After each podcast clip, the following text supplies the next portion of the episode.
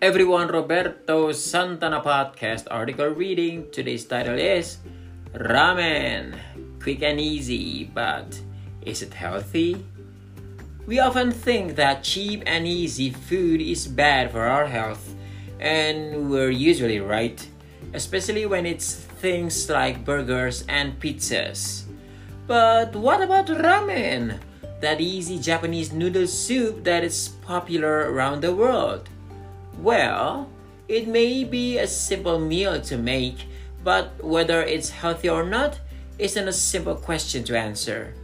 Let's look at the noodles first. They're made from wheat flour, water, salt, and a salt solution called kansui. On their own, the noodles aren't too bad for you, but they don't give you much either, mostly just some carbohydrates to fill you up. However, instant noodles are usually made from something called simple carbohydrates. They fill us up, but not for long. And there's more to ramen than noodles. The soup and toppings could make your meal a healthier one or do the opposite.